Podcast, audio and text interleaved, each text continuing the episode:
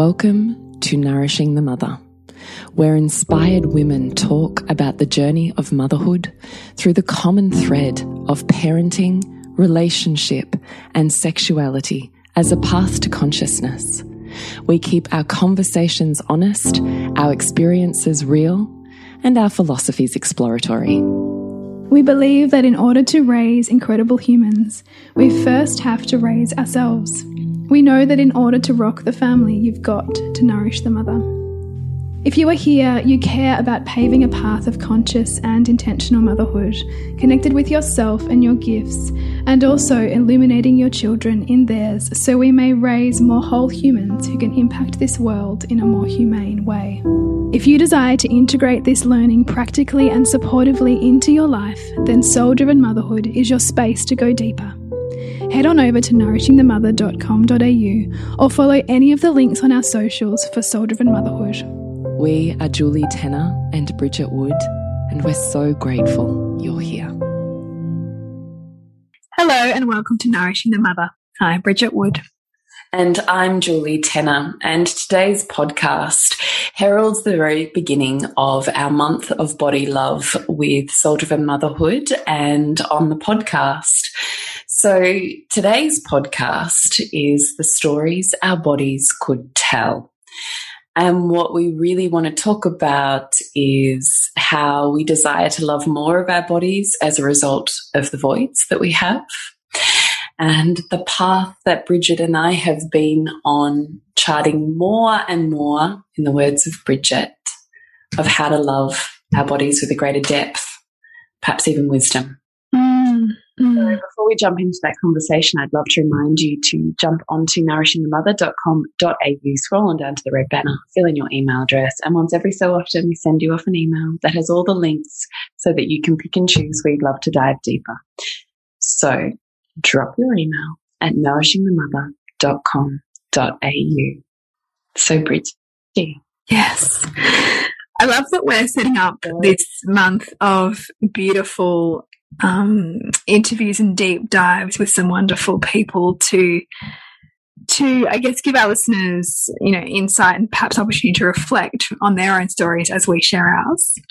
Because you don't decide to do a month on body love without experiencing you know, periods in your life of great body resentment right? And we love to um, you know, excavate some of those voids, don't we, of, of kind of what leads us to where we are. And, and I'm sure as we'll find in this conversation, um, that, you know, you and I both have those and they're probably going to look pretty different. And I think it's really important to understand the stories that we hold and how they shape what we value, how we see the world, um, how we see ourselves, and how we relate to others, so that we can um, bring a little more consciousness to that and therefore power in reclaiming or unlearning um, some of the the beliefs that we've perhaps taken on that maybe on our own. Mm. Yeah. When you came up with this title, The Stories That Our Bodies Could Tell, I mean, that is even just such the most wonderful title. I think it sounds like the beginning of, of, of a wonderful story, doesn't it? Mm the stories my body could tell would be. I think that would make an amazing documentary. Yeah, wouldn't it? Yeah. And I mean, for me, I think, you know, as you're talking, I'm having all these um, little kind of like things connecting for me. And I think motherhood has been a, like so much of a full circle for me of appreciating my body, perhaps in ways that I never really could before. Um, you know, one of my memories is I must have been about 12 or something. And I can remember this, um, little action where you'd put your like elbows and your hands like wrists together and you do this little action and it was like I must I must I must increase my bust. Have you ever heard of that?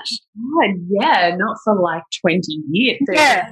Yeah. So that was like I legitimately thought I could do that and maybe grow boobs one day you know, because my voice, like, for me, in this like boyish, you know, like excruciatingly skinny body that was straight up and down, without a curve to be spoken of, I desperately wanted to feel like a woman, you know, or to feel like, you know, I, I was feminine in that way.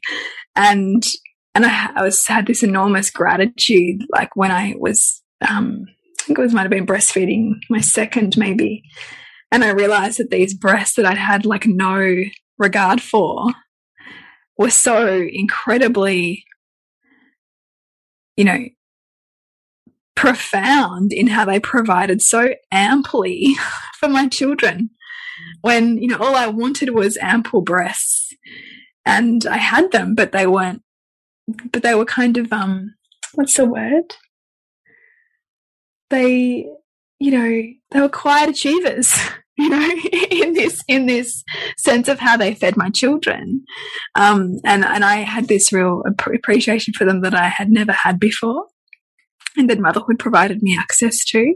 And similarly, being pregnant for me um, with all of my babies has been a deeply embodied feminine experience that I have loved for all of the ways that it provided me with deeper access to pleasure and curves and reference what my body can create and do and, and be.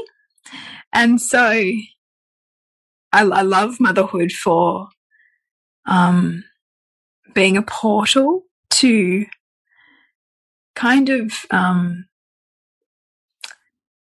is it make amends or just to circle back to that teenage or child self who yearned to then go like see look what your body can do you know that you didn't even know was possible and look at how you can feel in it that you didn't know was possible.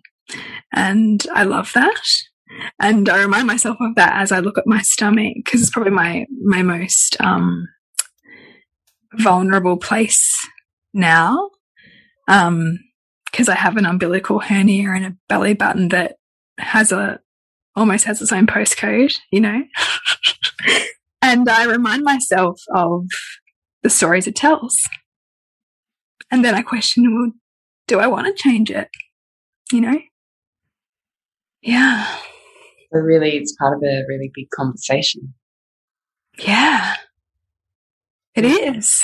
Oh. Yeah, yeah, it is. Where do you sit on both sides of those arguments?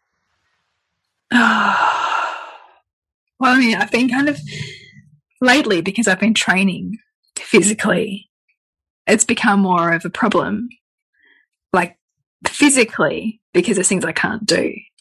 So, and that was always my, um, my kind of line. Like I, like when I saw it, I saw a surgeon in between Sylvie and Pearl to make sure that there wasn't, um, there wasn't any kind of risk with it, like health risk. And, and the surgeon said, Oh no, like it's fine. Like you just have another baby if you want to, and we can just fix it, um, later.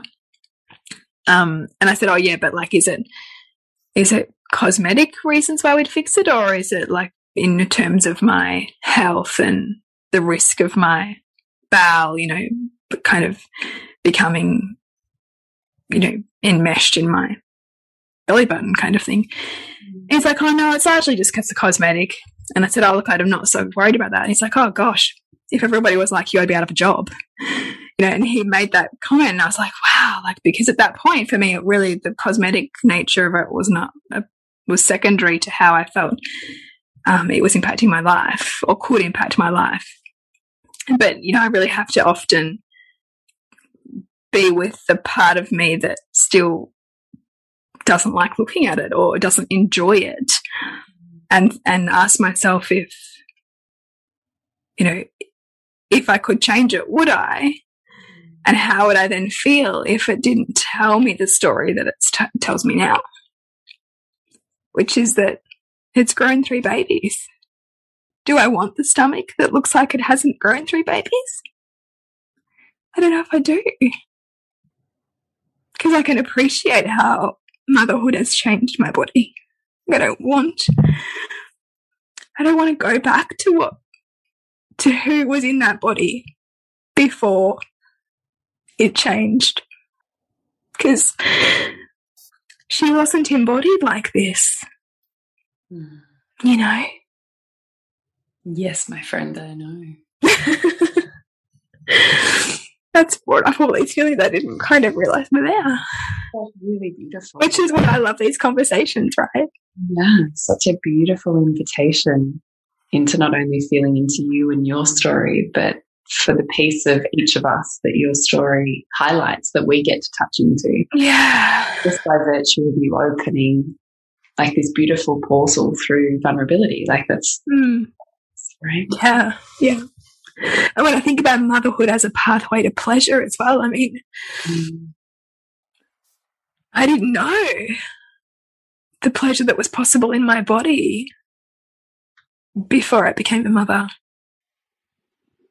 because I hadn't explored that part of me yet. Really, it was really only surface level, probably more performative than anything else. What do you think in motherhood made you explore that differently? Oh, well, actually, it was the void. It was a challenge of my own fertility. Mm. That that meant that in order to become a mother again and again, that practice was crucial.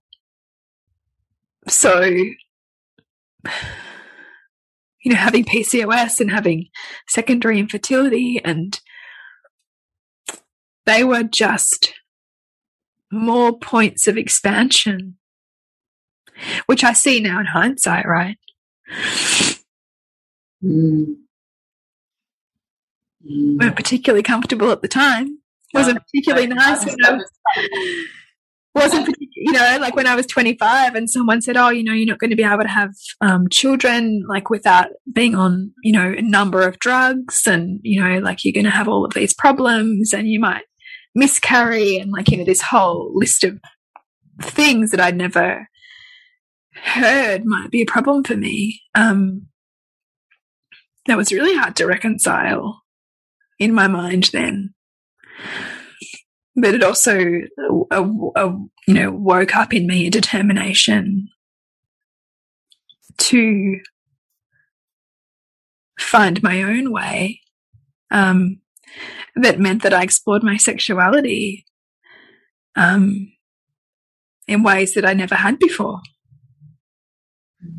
So that's a pretty beautiful gift. What other stories would your body tell? I don't know right now. I'm still feeling into all of what that just came up in this little conversation. Um, Let me ask you another question. What are the cultural or family narratives that you can see you were immersed in and grew up in, and perhaps even into about woman and her body? Hmm. Well, I mean, my mother had chronic fatigue syndrome when I was quite little, and, you know, I think ignored her body a lot of the time. Um, because when you come from a family of, you know, where stoicism reigns, and it's all about the doing and the getting, you know, and the the service and all of that, then I don't think there was you know, a great deal of focus on on feeling and listening. A, a little, but not um, but not in any kind of big way. And that I think every every uh, stage that I would go through, you know, through puberty, like my mum would do her absolute best to really honor me in that. But it was also, I think, a stretch because it wasn't her narrative to honor that. Mm. And it's a clashing of worlds then, mm. clashing of your imprint and your desire. And that can be really, really clunky. Mm. And so then there's a hangover for the child of that, right? I just think that's the perfection just. I love it. We all do. Right? Yeah. We all advance the consciousness based on where our parents got to. Yeah. And then we go further and we find the paradox between the two worlds, the one yes. that we will realize or see, and the one that we've come from that we're here to heal and change. Yeah. Like we all need that. And then we decide how far we can take that and then our children pick up from there. Pick up the rest. Yeah. Yeah, totally. And it's fascinating. I mean, it's fascinating to no end, really, isn't it? Because you, and because I think we, like that, that, that imprint or that, that narrative that we hold is so viscerally real. Mm. That it's only when you come up against the narrative narratives that others hold and feel are real that you realize we're all just a walking um, walking collection of stories. Mm. And and with that awareness is is a beautiful opportunity then because it's like what do I want to continue to run and forge deeper, more entrenched narratives and what do I want to you know change the track on where do I want to kind of take that like train line and kind of move the whatever you call it so that it diverts to a different track. Um, and it takes work, right? Like it takes practiced work to often do that because we're going against what feels like our nature. Totally. What do you think about women and their bodies, just as a whole? Oh, I think, I think, I just see so much disconnection. Mm. Like, distancing from, shoving down, not listening. And we know whether that's the emotions that come up in our bodies and the mothers and their relationship to anger is a classic case. And how much can we feel what our bodies bring up for us? How much can we sink into the the juiciness or the blood or the muck or you know the excretions of our bodies without recoiling or wanting to sanitize in some way. And I think we notice that when we come up against our daughters and, and any kind of edges there because it'll show us you know, what we're working with or the conversations that we find ourselves having around periods or you know anything like that um but i also see like this this undercurrent of desire that desire to access something deeper, but not quite knowing how to get there mm. as well. Like knowing that you don't quite enjoy feeling like this. And you have this echo or this sense that there's a possible, that it's possible to feel something different, but you don't know the path to get there because mm. it's never been one that you've had. Mm. And I think we can get stuck there and lament that, or we can get curious about what it would be like to walk that. And that's what I really hope that this month is an invitation toward. Mm. Or a practice for those who are already practiced, because I don't think we can have enough practice because we live in a world that is largely dissociated from the body. 100%. And there is no point of arrival. No. Because, you well, because you're gonna you're gonna have moments where you're deeply embodied and the moments when you kind of like forget you even have one. And you're going to expand oh, and contract. Right. It's, right. It's waves that roll with the highs and the lows because yeah. relationship. Mm -hmm. Human part of you. Yeah. And at the same time, you realize when you get to the next thing or you bust the next thing that's hard or you reach the next thing you're working towards integrating, believing, being, or living, you realize there's a whole other ocean. Mm. Like there's never a point where you where you're ever at the that point, like the you know enlightenment. Endless oceans. Mm. I love that an endless relationship full of its seasons and cycles. kind of like the explorers, you know, the people who used to explore the world by boat and they'd land somewhere and think that, like, this is it, this must be, I, I must have reached the final frontier. And then you realize 20, 30, 50, 80 years later, oh, no, no, that was just one tiny little bit. And it's kind of like us, isn't it? Yeah, it is. It is. Do you have friends who you see detest the skin they're in? I wouldn't say close friends who I see detest.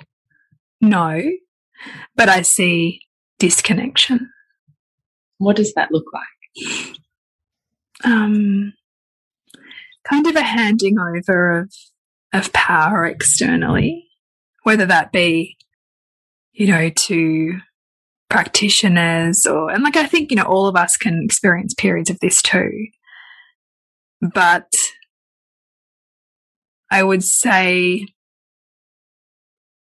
and you know, I really see myself in them too, like those periods where you're like, want an answer outside of you, or you don't actually want to be with your body right now because you have things you'd rather be with instead. So we'll pathologize this or make that something out, make that some other kind of problem that I'll deal with later, than be with it now. And I think that's probably a societal, you know, Western view as well. Um, but in terms of women that I would see detest their bodies, I can think of like, oh, actually, yeah, fa some family who who I see detest their bodies, particularly through pregnancy and through not honoring the journey that their body has been through and going gently on that, but instead wishing and willing and punishing it into, you know, like submission or um, judging it and resenting it and and in and perceiving that everybody else judges and resents it. I've certainly seen that. Um, and I find that pretty heartbreaking. What would you love for them to know? I would love them to just know how marvelous their body is as it is without it needing to be anything other than it is right now.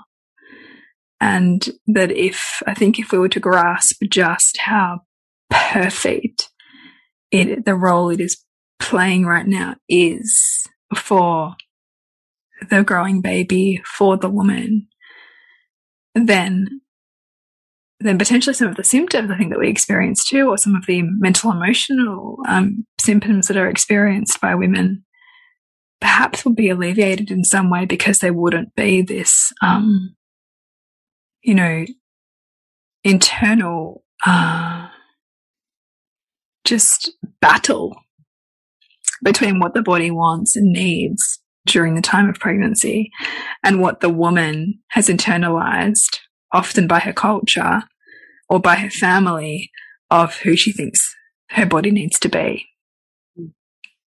And I would really love for her to be able to have that reverence or build that reverence inside herself that says, no, this is important right now. This life phase that I'm in right now is important and I can love my body for how she's changing just as I can love her when I think she's perfect or she's how I think she needs to be. How much can I love the shifting and the changing and what's what's possible for me when I um, descend into that instead of resist it or, or, or wish it away. Mm. Yeah. What would you want your daughter, could be your son too? Of course, there's huge rising incidence of boys. Mm. Mm. So, any of your children, I shall rephrase that. What would you want them to to know when they are in times of suffering with their own body image? I would love them to have a practice of remembering the the small things of the legs that move them to where they want to go and how they can run and jump or the arms that have hugged the people that they love or the eyes that have seen the most beautiful things than they could ever dream of seeing or you know the hair that's told the stories of the fashions or the the um, things that have been important to them over their life, and that that, that they've been able to um, characterize as, as, you know as their own expression. I would love them to be have a practice of of challenging their own distortions. Because I think so much of our body image challenges come from focusing on like the one thing that we might hate or that we might um, perceive others judge, and that that takes up so much space in the mind that all of the other perfections of that body um, are unseen or go unseen. And so I think a practice of taking time I guess a little like what a body scan would do, like a body scan meditation that, you know, that talks to each part of your body and, and how, you know, it cares for you. And that a practice like that is a beautiful way of remembering the, your body beyond the, the internalized shame that can take root that says it needs to be anything other than it is. Mm. Something like that. Mm. Mm. Nice if you learned that in school. Pardon? But wouldn't that be nice if you learned? Yeah, yeah, yeah. What stories does your body tell? Could she tell? Oh my lord, so many stories. Mm. So many stories. Um, if we're thinking about it from, oh, God, so many. It's just I have trouble being able to categorize them. Mm. But if we're thinking about them in terms of the context for this body love, then my body could definitely tell the stories of flagellation mm. and punishment and suffering. Mm both inflicted from others and from myself. Mm. Um, it could certainly tell a narrative of how I've loved you when you hated me. Mm. And it's part of why I actually really love returning to the work of Dr. Pinkola Estes when she talks about the body as the consort, the eternal consort. Mm. I always return to explain that. Pardon? Can you explain that? Yeah. I, I always return to that because she talks of the body like your soulmate, mm. your perfect eros, your divine lover. That regardless of how much hate you have or how much abuse you inflict or where you take it and whether you acknowledge it or don't, like a faithful, love struck, I don't know, puppy, this eternal consort still shows up to love you. Mm. I love that. Yeah. Yeah. Because isn't the body always trying to love you? It always loves you. Mm. Regardless of what you do, there it is. Mm regardless of where you go, there it is. Mm. Regardless of how you abuse or neglect or ignore, there it is. It's, it's the eternal love, right? Yeah. And at the same time, it's the very reason that you have the capacity to be alive. It is what, what carries you through this world. It is literally the home of your soul. Mm. It's not just a flesh suit which I hear sprouted so many times. So I really love the idea of the eternal consort and I reflect upon it often.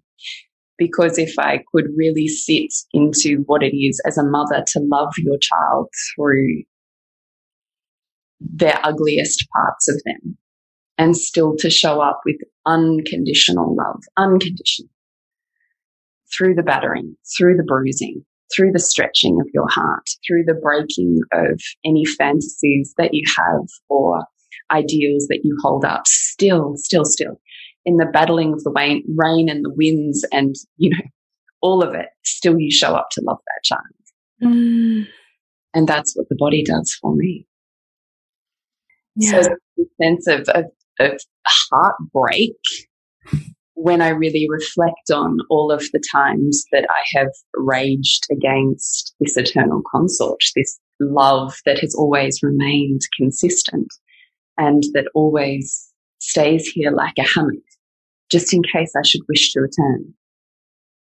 And I, I, I honor that because I know how hard that is. So that is part of where I do really sit in the spiritual community of my body is my temple this this is the home of the divine. This is the divine. And when I hurt this flesh, I'm hurting the divine. Mm. So I really, really sit in that camp now.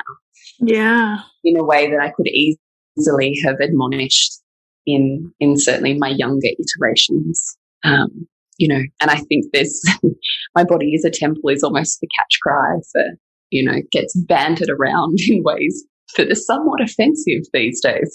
So mm. I always reflect upon that. There's some part of our human psyche that that knows that because I think when things appear in pop culture, I'm always fascinated. I'm always fascinated by them. That's conversation for another day. But my body as a temple is very much part of mainstay culture now. It is. Yeah. But we don't on a conscious level understand what that means, but there's still there's some seed within us that does. Mm. And so it appears in the collective conscience, right? Which is pop culture. so I, and it's so subjective what it looks like to treat it like a temple, right? Right. I, mean, really know what that means, but um, you know, it's certainly something that I return to often. So um, the stories my body could tell would be the ones of the scars and the battered bruises, you know, of self and other. And each of those would tell their own story, you know. And it would tell of the experiences of having a body that allows me, like you had said, the deepest sense of pleasure and the greatest opportunity to open, mm. to meet another on this plane or another, depending on, you know, how we want to get. This body lets me do that. Mm this body lets me. Yeah, yeah. And of all of the lovers and the men and the women that have touched this body and and the children and the stroking and the the um, you know igniting of sensation. I mean, it's the stories that that they alone could tell is extraordinary. Mm. Mm. And then it would tell of carrying a child and, and just like you were birthing one. Oh, and feeling a child inside you, like feeling the movement of another life inside you. Yeah, it's still bizarre at the same time as completely, I'm completely awestruck by it. It's yeah. completely bizarre as well. Yeah. And I think that body memory of those, you know, flutters and kicks in your body, I don't know if that ever leaves you. Like I have mm. a, a somatic memory of what that feels. I hope it never does. It's the most yeah. like awe inspiring feeling.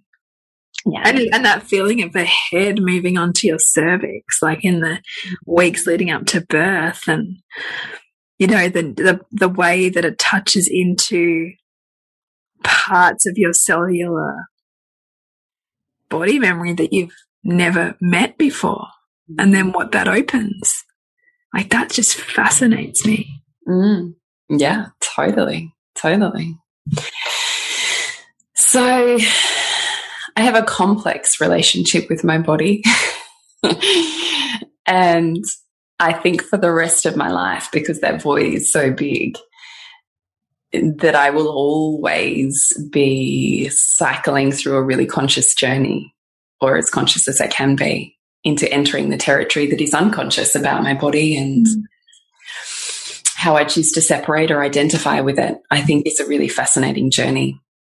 I think it's more complicated for women who are trained out of their bodies and into their minds and whose emergence of sexuality is so perverted that yeah. it becomes unsafe to even exist in this body. And that taking of something that is so innately sacred, particularly to women, mm. to women, and the stripping away of that ability to to give, to experience, to share love with another. I mean, I think that that is is a deep, deep, deep, deep, deep tragedy. Mm. Deep tragedy. Yeah. So I feel into those stories when I think about the body of woman. Um, so I have a cold, I have a cold sore at the moment. I can feel it um, bleeding, which is funny right now, right? So I have other layers, of course, of context of um, eating disorders and um, performance of the body versus embodiment, uh, being afraid to be seen, to be witnessed, and to be looked at, mm. of not the fear of being out of control of what my human body would do that my mind or psyche were not ready for. Mm. I think there's so much in the preparation of the transforming of a woman's body that we still don't do very well. Yeah. Yep. I can feel those stories. Um, I feel the punishment of flesh. You know, I have this this double edged sword of a yogic father who um, was altruistic in all of the ways and outlooks on life and who hated my fat. Mm. Like, hated it, which I find so interesting. So, I mean, there's so much that's contextualized about that in terms of the feminine body as she's expressed in her largeness and in her roundness and in her outward expression of sexuality. Mm. And, and what that represented for him, either on a conscious or unconscious level. Totally. Yeah. The feminine in general, right? And I think it's a, there's a lot of um, suffering that goes on for young girls as they transform through womanhood and sexuality. It's a very outward experience versus boys where it's a very inward one. yeah. Yeah. Judged and watched and looked at and critiqued by mm. people outside of them and then the added layer of that that emergence is instantly entwined with sexuality and therefore potentially the perversion or the shutting down of that. I mean, I think it's a very mm. complex field.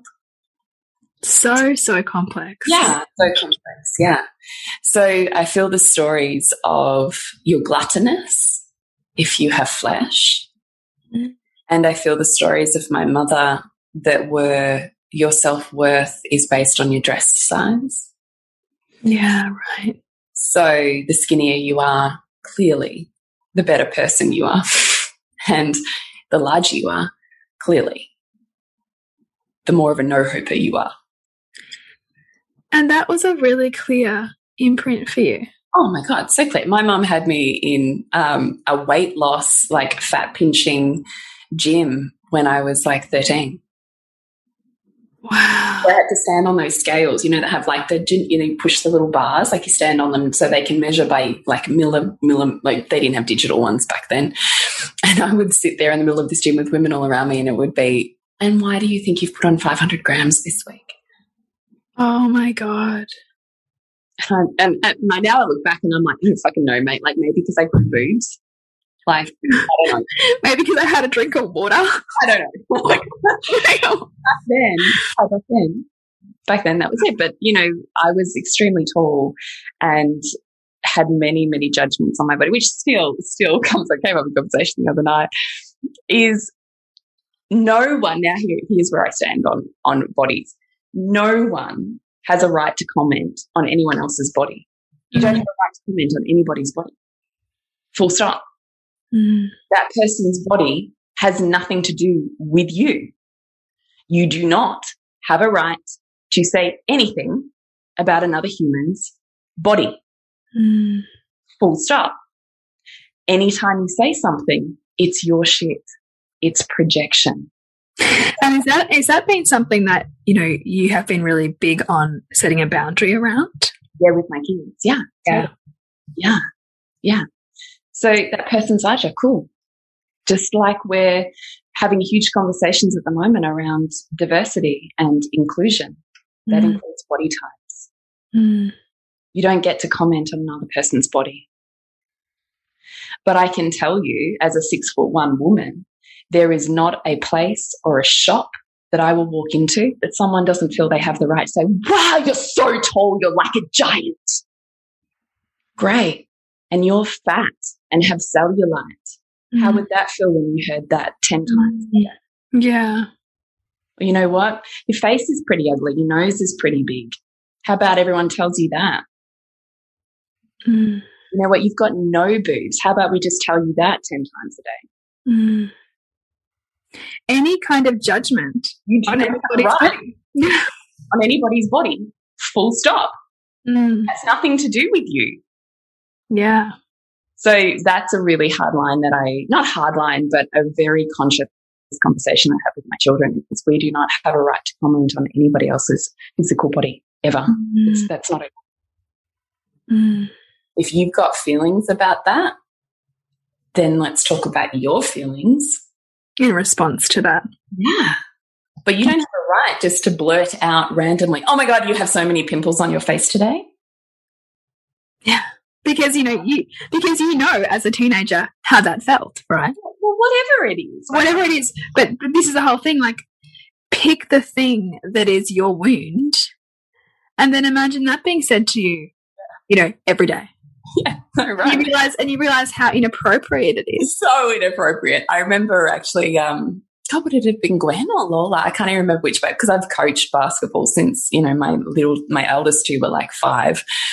One of my babies, whether it was my third or my fourth, I was coaching. I always used to just pop them on the sling on my back and I'd still be coaching like, you know, three weeks after having a baby or something. And I remember this one time, would have been in Jade with Jade's, the girls I was coaching with Jade's. It must have been, must have been Lola. Anyway, um, I still had the like baby bump and belly bump and squishy belly thing. Yeah. And one of the girls on the team, her mum had just had a baby at the same time as me. And she turned around to me at some point in the training and went, Wow, you still look like you're pregnant. And I had this moment where I was like, She's 11, Julie. She's 11. She's 11. She's 11 years old. yeah, yeah, yeah. how you respond here. And then she followed it up with, "Oh, my mom doesn't at all. She just she doesn't look like she's ever had a baby." Oh God. At that point, I burst out laughing, and I was like, "That's great. Run."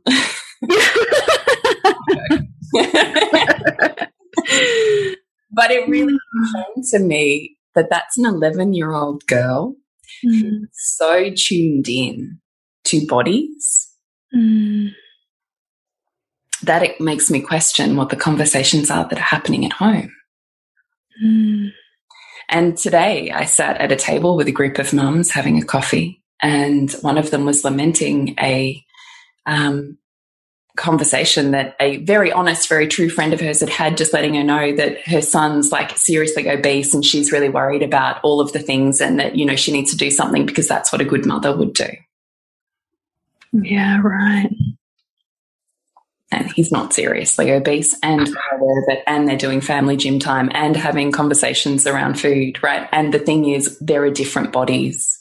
There is not one body. Yeah. so And, also, and at what point, like, at what point does your need to help, or does does you know, sense that you have some kind of wisdom to offer, override that person's um, what's the word? Kind of need to be respected. That means that you just keep your mouth shut You know, like that you just honor their experience as however they're experiencing it, well, knowing that you don't know anything really. Exactly. This is the point, right? You know nothing about how this person's body is perfect for them in this lifetime. Yeah. And the lesson and the things they're here to do. Yeah. That has nothing to do with one type of body. And, and, and whatever the current culture's preference is for the popular body, right? Because that's just socially constructed.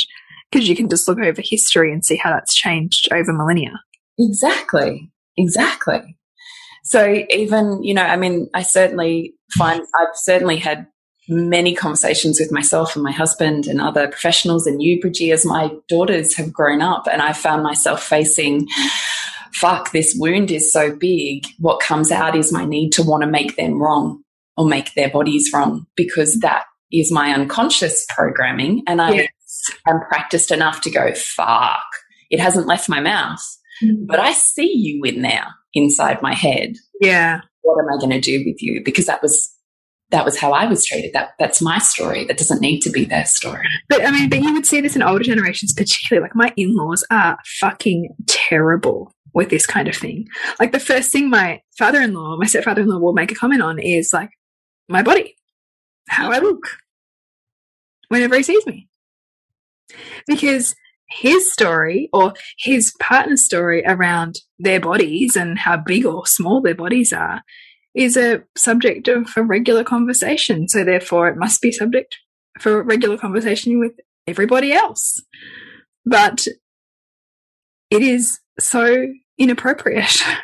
Yeah, we just don't have a right to comment on someone else's body. How about we just work on inclusion for all mm, mm, and mm. trusting that that person's body is perfect for them for whatever yeah. it is that they will do, learn, and grow through. What if mm-hmm. beautiful? And I can tell you, as a child who who was chubby and had a whole lot of puppy fat that apparently needed to be stripped down by going to a gym, which it didn't. By the time I was 15, had eating disorders out, you know, you name it, I had it. Mm that lasted a really long time mm. Work my way through.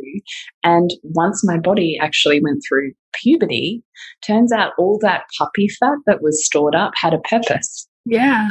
I'm six foot one. exactly, right? I have double D breasts and huge hips. That shit needed things to grow. It was exactly perfect. It needed to be there for those? I'm like, the time on. I look at my friends who are going through this and I look at my daughters and I think your body is perfect. Yeah. I don't need to decide for you what your body is or isn't. I'm here to go, I will teach you what I know about having a healthy and connected body. Mm. I'm not going to not talk to you about portion size and food management and, and foods that work well for your well-being foods that don't and listening to your body and your appetite and stuffing down emotions versus mm. back into connection you know we're going to still have all of those conversations but they're not coming from a point of body shame and yes. they're always coming from a point of body autonomy you don't have to eat everything that's on your plate you get to follow how your body feels all of those conversations. Exercise is beautiful. Coordination is an amazing thing to have. Mm. Body strength empowers you. Beautiful conversation. We're not stepping around them. And I'm also not looking at my third daughter who does have, in inverted commas, a weight issue. She does. But she also has a body that physiologically is exceptionally different to anybody else's body. Mm. I also trust that there's a greater wisdom in that. Mm. Yeah, that, that, that, that, you can't grasp yet. And so, again, you kind of have to sit back and how do I honor that? Like, how do I honor that and honor it? Yeah, yeah. At the same time as empowering So, I'm still going to give you the skills. We're not stepping around it. But I can tell you, as the mother of an, I'm going to say it again, but in inverted commas, obese child, is I see the stigma and the judgment and the shade that gets cast. Like, that's totally palpable in our society. Mm. But as long as that parent or me sees it is consciously has seen whoever they need to see to get the advice they need to get to offer the best pathways for that child to make their own conscious choices and grow into a healthy, individuated and connected adult, then back the fuck off. Mm. It doesn't need to mean anything. Yeah. And there's something incredibly glorious about hugging fat. There is something so nourishing about squeezing my little Lola that is like, oh, satisfying in so many ways that just isn't with a bony little person. Yeah. Yeah. So, you know, I mean, I could talk about this till the cows come home because there's, you know, particularly with Lola, there's a whole lot of stuff. But I even look at Jade, who um, hasn't hasn't got her period yet, and I have watched how much her body has changed in the last six months.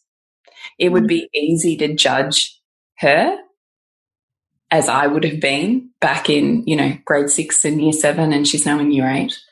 And yet, what I see is a body that's doing exactly what it needs to do. Mm. She's fit, she's young, she's healthy, she's connected. That body is distributing its fat and its connections in all of the ways that it needs to. Mm. And you know, that, I love that you're speaking on this because you have the lens of a practitioner, right? Yeah. Most people have the lens of internalized shame fueled culture. Mm. Yes, right. And toxic body image. And that's the shit that's getting projected out onto each other, children, you know, anybody they come into contact with, right? Not looking at the function of this on a mm. pure physiological level. Because mm. we've instead got, you know, the quest for whatever distorted version of beauty we have right now mm. or health we have right now. Mm. Right? And that's the difference.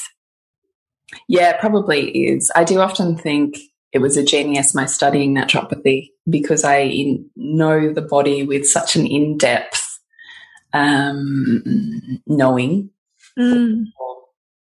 mental knowing, that it serves me no end every day. Mm. And that I think knowing the the extraordinary physiology that your body is doing just for you, like the like the most devoted consort that it is, mm. without you even consciously having to think about it, is a huge point of reverence and connection when you're reforming body love. Mm. Yeah, that you don't that you don't have to ask and it your heart beats for you and you you breathe and you know how to excrete toxins and it just does it for you in service of you. Yeah. Every single millisecond of the day. Yep. Yeah. And I would also say it's so funny because our culture tells us that our most sexually prime and attract ability to attract attractive version of our life is let's say 20 potentially even under Mm. And yet, what I can tell you is that the opposite is true. The older you get, the more scarred and saggy and the less fucks you give, the more extraordinary love and attraction mm. can be, mm. which is completely counterculture. Because you go deeper and deeper into the essence of your own body. Yeah. And you you really realize that there's no performance required at all. Mm. That the mm. more you're here, the more there is available to you. And I think that's a, you know, it's a really beautiful gift. And I think also having worked with so many women so intimately, I also think that that is an enormous gift because even as the person witnessing, I can see how extraordinarily beautiful they are in all of their colors and shapes and movements and architecture. Mm. Extraordinary beauty that is desirable and sexy and gorgeous. And as the witnesser of being able to see that, it has allowed me to reconcile the distortions that I had about my own body. Mm. I'm that wow, really? Is that how Nick would see me? Wow. So I also think there's a great beauty in gathering in places and spaces of women particularly if there's levels of, I'm going to say it, if there's levels of nudity involved, yeah. where because it really allows you the capacity to witness and potentially even be witnessed in ways that normalize and expand the narrative that you currently see your body through. Mm. I, because when you take away all of the the clothing and the you know all of the things that that cover up and you pair it right back to the raw flesh mm. Then i mean that's beautiful right because there's nothing that's trying to be anything other than what it is mm. yeah but when you really see that as with beauty it's it's mm. a total game changer Kind of reminds me of like a life drawing, like you know, like a life yeah, drawing, yeah. and how you like that practice asks you to see in way the body in ways that you don't usually see the body. Yes, totally, totally. So we would love you to come and join our month of Body Love in Soul Driven Motherhood. We will be having four experts coming in to run workshops in there, and then we will be continuing the conversation for another week and a half or so after those workshops end, and really distilling down key points for each of us involved in that and having a bit of a body love challenge to round that out. And we would love for you to join us. Mm. So you can do that by connecting just for $39 for the entire month of Body Love. You can find out more about that at nourishingthemother.com.au or Nourishing the Mother on Facebook and Instagram. Yes. And you, Bridge? It's bridgetwood.life. And you, Jules? Is suburb suburban sandcastles? No, not. my brain just completely, my mouth opened before my brain had reconciled. No, you can connect with me at julietanner.love. God, that's funny. Remember to nourish the woman to rock the family. And we'll see you next week when we continue to peel back the layers on your mothering journey.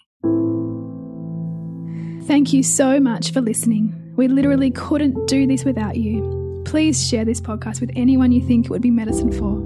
And if you're ready to ask, in what ways can I show up more fully, live more meaningfully, parent more wholly, and love more unconditionally?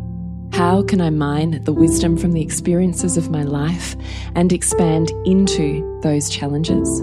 Then you're a soul driven, heart led mama who's ready for conversations and a community that supports her journey.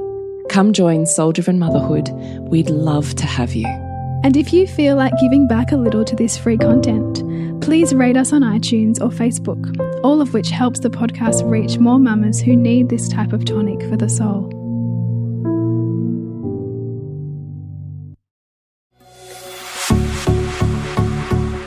This has been a production of TheWellnessCouch.com. Check us out on Facebook and join in the conversation on Facebook.com forward slash The Wellness Couch. Subscribe to each show on iTunes and check us out on Twitter. The Wellness Couch, streaming wellness into your lives. Whilst the Wellness Couch presenter endeavor to provide accurate and helpful information to their listeners, these podcasts cannot take into account individual circumstances and are not intended to be a substitute for health and medical advice from a qualified health professional. You should always seek the advice of a qualified health professional before acting on any of the information provided by any of the Wellness Couch podcasts.